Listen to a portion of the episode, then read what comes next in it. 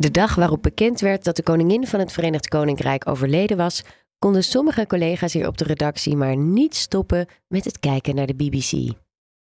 Urenlang streamde zij de live-uitzending. En ook de volgende dag was Queen Elizabeth nog het gesprek van de dag. En dat was nog niet eens ons eigen koningshuis. Maar ook dat blijft boeien. Miljoenen mensen keken naar de kroning van koning Willem-Alexander, maar ook, nog langer geleden, naar zijn huwelijk met Maxima. En sowieso trekken programma's over het koningshuis altijd veel kijkers.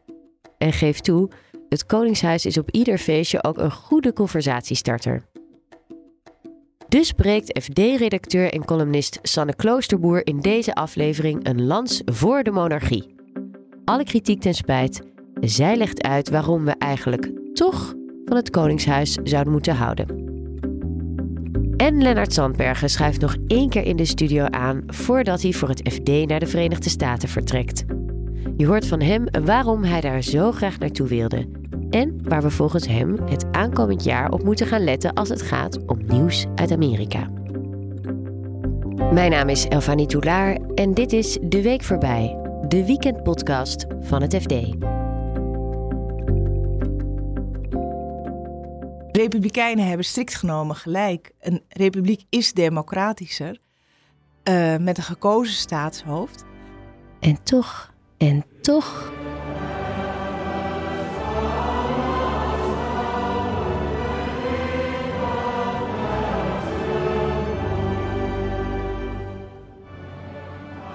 Hoeveel eerlijker, betaalbaarder, democratischer en dus ook beter die republiek ook is, toch schreef redacteur en columnist Sanne Kloosterboer een pleidooi voor het Koningshuis. Juist nu. Want de monarchie heeft meer te bieden dan we misschien denken, vindt zij. En bovendien, zo'n republiek is ook niet alles. Het is ook wel heel prozaïs en plat en, en, en alles heel letterlijk. En uh, een, ja, een koningshuis, dat, is, dat appelleert toch aan een soort sprookjesgevoel in ons. Het is uh, met prinsen en prinsessen en, en mooie jurken. En, en uh, ja, dat, het, het, het doet een appel op de verbeelding. En, en ik, ik geloof ook dat het zeker wel een verbindende kracht heeft. Oh ja, hoe dan? Nou, kijk, het, is nu, het wordt nu natuurlijk niet zo erg op de proef gesteld. Maar ik denk wel dat als, uh, als, een land in, uh, als ons land in, uh, in nood zou komen. Nou, je, nou, eigenlijk zie je het wel. Bijvoorbeeld dat Willem-Alexander die bezoekt dan bijvoorbeeld een arme wijk in Utrecht. En dan praat hij daar met mensen over hun problemen. Hij bezoekt een woonwagenkamp. waar hij dan heel erg gezellig in zo'n ja, best wanstaltig interieur uh, op een bank zit met een bewoonster. Uh, ja, dat, hij, hij, gaat met, hij praat met alle mensen. En in coronatijd heeft hij natuurlijk veel ziekenhuizen bezocht, uh, met, met verplegend personeel gesproken. Dus dat is wel iemand die boven de partijen staat en die ja, zich dan over de mensen ontfermt. Ja. Daar zie ik wel meerwaarde van. En waarom dacht je nou, het is nu belangrijk om dit essay te schrijven? Ja, eigenlijk staan ze de laatste tijd staan ze best wel onder, uh, onder krijgen ze veel kritiek, het Koningshuis. In coronatijd hebben ze natuurlijk ook een paar uh, ja, overtredingen begaan. Ja. Uh, niemand mocht weg. Zij waren in Griekenland uh, gezellig uh, met uh, iemand van, van zo'n eetentje waar ze dan waren. Gezellig samen op de foto, heel dicht bij elkaar. Amalia had nog een feestje gegeven toen ze 18 werd met veel te veel genodigden.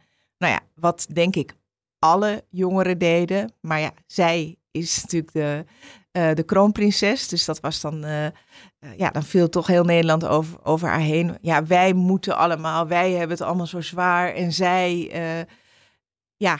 Ja, maar die boosheid begrijp je wel, toch? Ja, ik, ik herinner me ook wel dat ik dacht, jemig Mina, iedereen zit hier maar een beetje braaf thuis te zitten. Ja, die begrijp ik wel, ja. Het was ook niet zo fraai.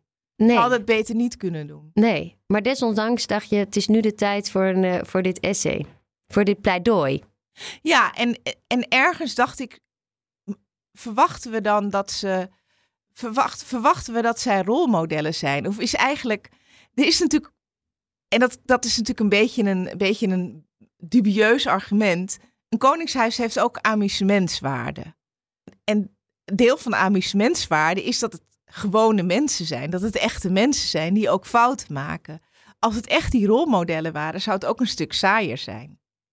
Is dan entertainment uh, de grootste waarde? Ik denk dat, uh, ja, ik, eigenlijk, eigenlijk wel. En ook, uh, ja, en ook dat het onderdeel is het, is, het is echt een onderdeel van de nationale identiteit. De Oranjes, die horen bij ons. Het is, het is gezellig, het is verbindend en het geeft, uh, ja, het geeft ook wat amusement. Leden van de Staten-Generaal. Het was mijn moeder die ooit zei: Het leven is een feest, maar je moet wel zelf de slingers ophangen. En dan weet Ruud Lubbers wel wat ik bedoel, toch? Of niet? Maar goed, ook bij deze feestbegroting zullen we zelf de slingers moeten ophangen. En daarom, beste leden van de Staten-Generaal, is hier het Loosduis Dameskoor voor de muzikale omlijsting van deze feestelijke gelegenheid. Ja, waar zouden we zijn zonder Lucky TV? Een ander belangrijk ingrediënt dat bepalend is voor het amusementsgehalte van het Koninklijk Huis zijn de outfits.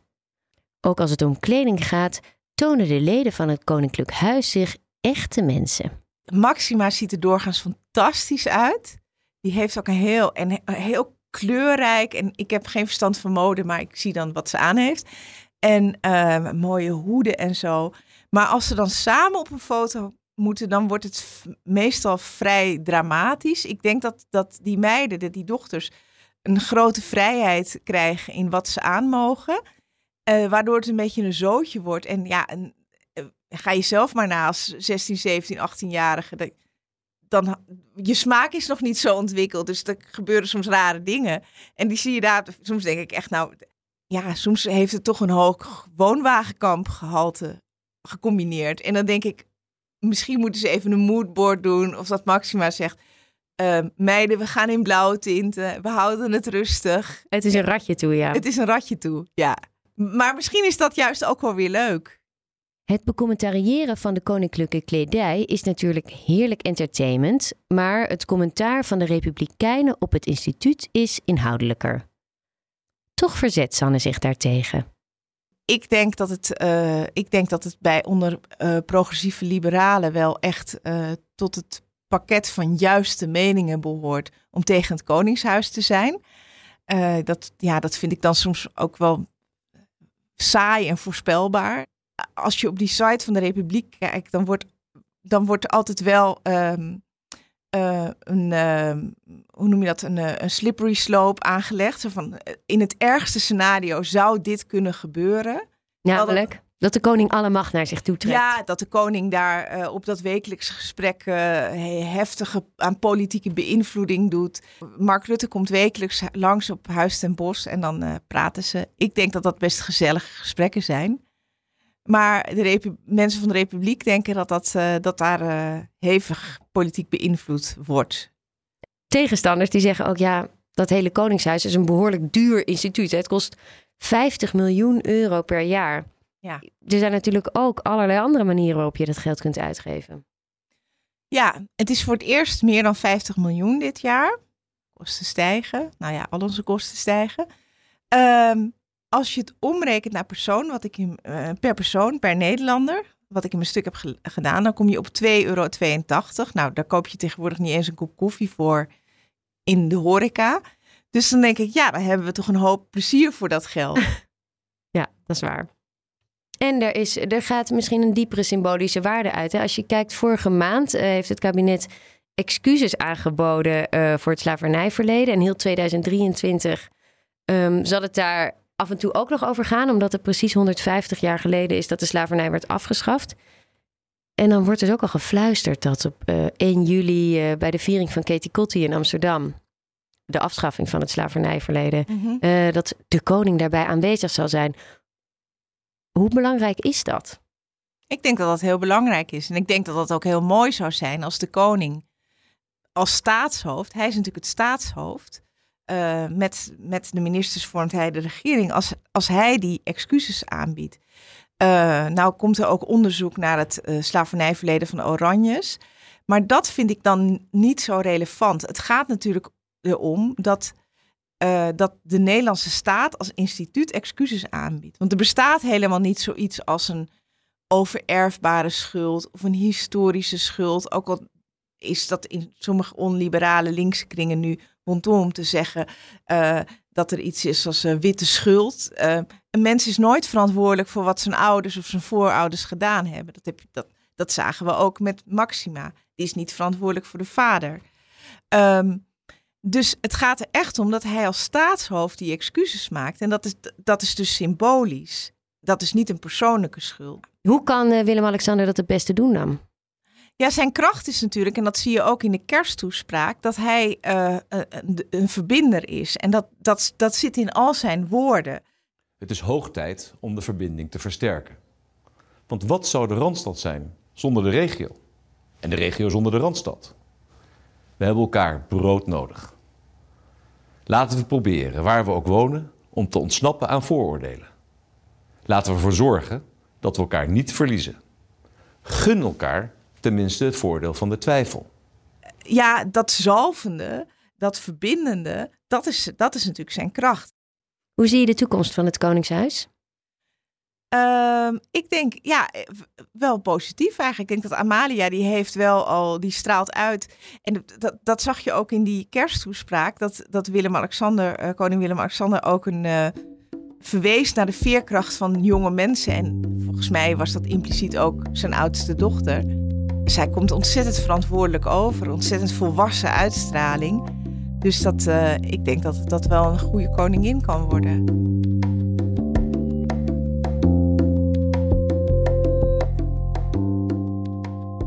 Ik heb hier de afgelopen zes jaar op de redactie rondgelopen. En de afgelopen jaren heb ik me heel veel uh, gericht op beursgenoteerde bedrijven. En nu ga ik uh, verhuizen naar de Verenigde Staten om daar als correspondent aan de slag te gaan. Dit is Lennart Sandbergen. Je hoorde het hem zelf ook al even zeggen. Hij wordt de nieuwe correspondent van het FD in de Verenigde Staten. Hij gaat in New York wonen. Het is toch wel een beetje de plek waar het gebeurt natuurlijk. Uh, uh, toch wel het mondiale centrum van, van de financiële wereld. Uh, ja, natuurlijk Wall Street spreekt iedereen denk ik wel tot de verbeelding. Het is niet alleen een symbolische plek denk ik waar het gebeurt. Maar het is ook daadwerkelijk wel de plek waar alle, ja, alle grote investeringsmaatschappijen zitten. Waar toch wel heel veel beslissingen worden genomen ja, en de plek waar toch iedereen wel naartoe wil, denk ik ook wel. Ja, en zij, heb je al ideeën in je hoofd waarvan je denkt, nou, uh, dat wordt mijn eerste scoop? ja, die eerste scoop, die, uh, die moet ik nog ontdekken. Maar ja, waar ik wel heel graag me in wil verdiepen is eigenlijk een beetje de, de relatie tussen de politiek en het bedrijfsleven. Want ik heb het idee dat die steeds uh, nauwer tot elkaar komen en dat er ook steeds meer overlap tussen is. Dus je ziet bijvoorbeeld dat uh, nou ja, BlackRock, een grote Amerikaanse vermogensbeheerder, die heeft heel veel gedoe met republikeinen die vinden dat uh, het bedrijf te woke is, zoals zij dan zeggen. Zich te veel met sociaal beleid bezighoudt en te weinig met gewoon nou, geld verdienen. En uh, nou, daar heeft dat bedrijf best wel veel last van. En wat je tegelijkertijd ook ziet, is dat er grote handelsoorlogen uh, bezig zijn, of eigenlijk handelsconflicten tussen de Verenigde Staten en China natuurlijk. Dat ging vooral onder Trump best wel hard keer. Maar ook tussen Europa en de Verenigde Staten gaat het toch qua ja, economisch beleid toch wel, dat botst best wel erg. En um, dat heeft ook wel serieuze gevolgen voor bedrijven individueel. Want dat klinkt altijd heel abstract van ja, een handelsoorlog en uh, heffingen en importheffingen en zo. Maar uh, nou ja, wat je wel ziet is dat uh, in Europa bijvoorbeeld mensen nu zich zorgen maken dat er door de stimulusmaatregelen die de Verenigde Staten neemt, ook Europese bedrijven hun fabrieken naar de Verenigde Staten uh, verplaatsen. En hoe zie je dat dan bijvoorbeeld terug op Wall Street straks? Ja, op Wall Street zie je dat wel terug, omdat dit soort beleid ook gewoon de, de koersen heel hard beïnvloedt. Um, nou, je zag het ook bijvoorbeeld bij ASML. Die mogen op dit moment hun beste machines niet naar China exporteren. En dat komt niet doordat de Nederlandse overheid dat per se tegenhoudt, maar doordat de, Amerikanen daar heel veel druk op zetten. Uh, en daar zie je dus weer van, het is een Nederlands bedrijf, wat heel veel, ja, gewoon in Veldhoven, dat uh, ja, gewoon te maken heeft met wat er in de VS wordt besloten. Uh, en nu zegt de CEO van ASML, die zegt dan zelf, zei die laatst in een interview, ja, wat we hier best wel onderbelicht bij is, is dat die Amerikanen ook dit soort maatregelen nemen, omdat hun eigen chipindustrie daarvan profiteert. En dat soort, ja, dat soort aspecten, daar, daar doe je het als FD natuurlijk voor. Van hoe zit het nou en hoe ver is het nou politiek of gaat het nou eigenlijk gewoon om geld? Ehm, en ik heb het gevoel dat het vaak toch dat tweede is.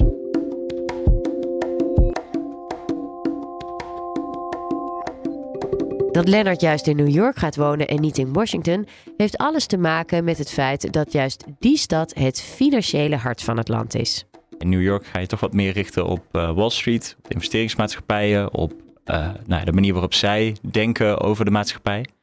Tegelijkertijd, uh, Washington is dichtbij. We hebben daar een andere correspondent zitten, Barbara Noordermeer. Dus wij gaan ook wel heel veel samenwerken, zeker met deze verhalen die veel, veel overlap hebben tussen economie en, de financiële wereld en politiek. Maar ja, ik denk dat veel correspondenten die we hier bij de, van de Nederlandse kranten die in de VS zitten, die, ja, die reizen natuurlijk heel veel rond. Maar uiteindelijk kijken ze vooral naar de politieke verhalen. En ik denk dat er veel meer te halen is, ook, ook daarbuiten.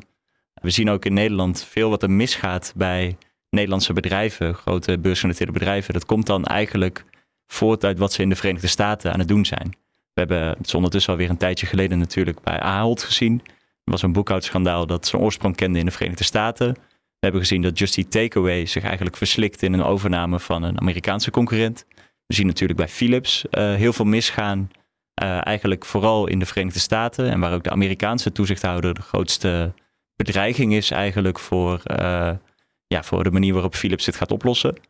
En nou ja, dat, dat soort zaken kan je dan ook vanuit de VS het beste volgen, denk ik. Ja, denk je dat er hier in Nederland misschien ook wel een beetje weinig kennis op dat terrein is? Ja, dat is moeilijk te zeggen natuurlijk. Je ziet wel vooral dat heel veel Nederlanders heel veel interesse hebben in de Verenigde Staten. Ik was laatst uh, bij een boekpresentatie van Casper Thomas, eigenlijk mijn voorganger. En ja, dat was uh, hier in Amsterdam. En daar zitten dan 400 mensen te luisteren naar een uh, bijeenkomst die gaat over de uitslag van de Amerikaanse midterms. 400 mensen? Ja, daar zitten 400 mensen. Het zat afgeladen vol. Ja, dan zie je toch wel weer. Dat was ook inderdaad wat het moment dat ik me realiseerde van ja, ook, ja je wordt daar in de, in de Verenigde Staten denk ik toch wel goed op je vingers gekeken. Dat is maar goed ook. Door heel veel Nederlanders die daar in ieder geval ook heel veel interesse in hebben. Ja. Maar goed, uh, qua kennis denk ik dat het altijd bij iedereen altijd beter kan. Nou ja, je noemt hem net al eventjes. Casper Thomas is jouw voorganger. Heeft hij je nog als uh, beginnend correspondent tips meegegeven?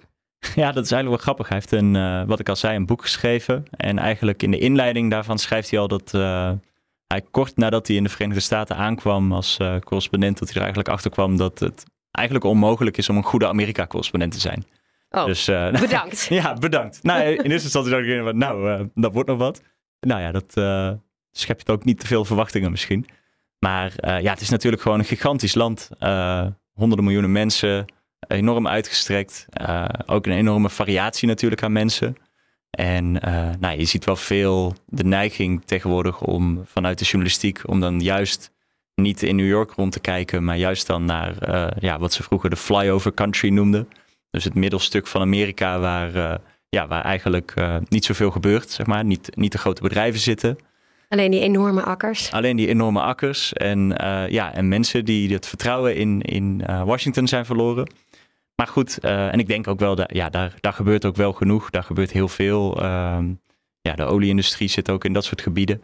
Dus daar, zal, daar zal ik ook zeker heen gaan. Maar het is ook weer niet zo dat dat het enige Amerika is. Nee. Want ook het, het Amerika van de, van de kusten is... ja, daar gebeurt ook natuurlijk een hele hoop. Ja, jij gaat de kloppende harten beschrijven. Um, hoe goed ken je Amerika eigenlijk al? ik ben nog nooit in New York geweest eigenlijk. Nee? Nee, nee, nee. Ik ben uh, één keer in de Verenigde Staten geweest. In uh, Seattle en in Portland. Uh, ja, dat vond ik al wel een hele, hele belevenis. en ook inderdaad daar ook het verschil tussen de stad en het platteland eromheen. de prachtige natuur ook. Daar hoop ik toch in mijn vrije tijd ook wel van te genieten. Maar nee, verder gaat het ook voor mij wel een flinke ontdekkingsreis worden. Je bent nu 28. Ja. Je vliegt straks naar New York. Je bent er nog nooit geweest. Hoe ga je daar dan um, ja, aan het werk? Hoe start je op? Ja, dat ga ik ook maar zien. Het is, uh, ik denk dat het uiteindelijk is niet zo moeilijk. Want uiteindelijk, het, dat is ook het mooie aan wat een journalist doet, is gewoon... Uh, je hebt een laptop en, uh, ja, en twee benen en een mond en, dan, en een paar ogen. Daar, daar heb je eigenlijk genoeg aan. dus ik kan meteen aan de slag, denk ik eigenlijk. ja, en ik heb, uh, ik heb al wel woonruimte gevonden. Dus uh, qua praktisch is dat allemaal niet zo moeilijk. Daar rij ik heen. En, Weet je in een goede buurt? Dicht bij Wall Street? Dicht bij Wall Street, ja. ja, ja. 20 minuten met de metro. Dus dat, daar kan ik vaak genoeg heen. Dat gaat geen excuus zijn. Maar nee, het wordt een ritje naar de IKEA en dan alles inrichten. En nou ja, meteen, meteen aan de slag. Meteen op ontdekkingsreis eigenlijk. Dit was hem voor deze week. Dankjewel voor het luisteren. Ik heb nog een vraag voor je. Wat heb jij nou altijd al willen weten over ons werk als journalist of over hoe het gaat op het FD? Hoe keuzes worden gemaakt en hoe het proces van een krant maken werkt? We zijn bezig met een uitzending daarover. Dus stuur je vragen naar ons op. Dat kan door een berichtje te sturen uh, naar mij bijvoorbeeld op Twitter, Elfanie of FD nieuws. Of zoek het Financiële Dagblad op op Instagram. Je kunt natuurlijk ook gewoon mailen naar podcast.fd.nl. De link naar het essay van Sanne vind je in de show notes. En Lennarts avonturen kun je het beste volgen door hem op te zoeken op Twitter. Lennart Zandbergen. Als je deze podcast leuk vindt, deel hem dan met je vrienden. En abonneer je vooral. Dat kun je doen door te zoeken op FD de Week voorbij, waar je ook podcast luistert. Redactie en montage van deze podcast waren in handen van Yildau Bijboer en van mij, Elfanie Toulaar. Muziek is gemaakt door Visionair Ordinaire. Een heel fijn weekend en graag tot volgende week.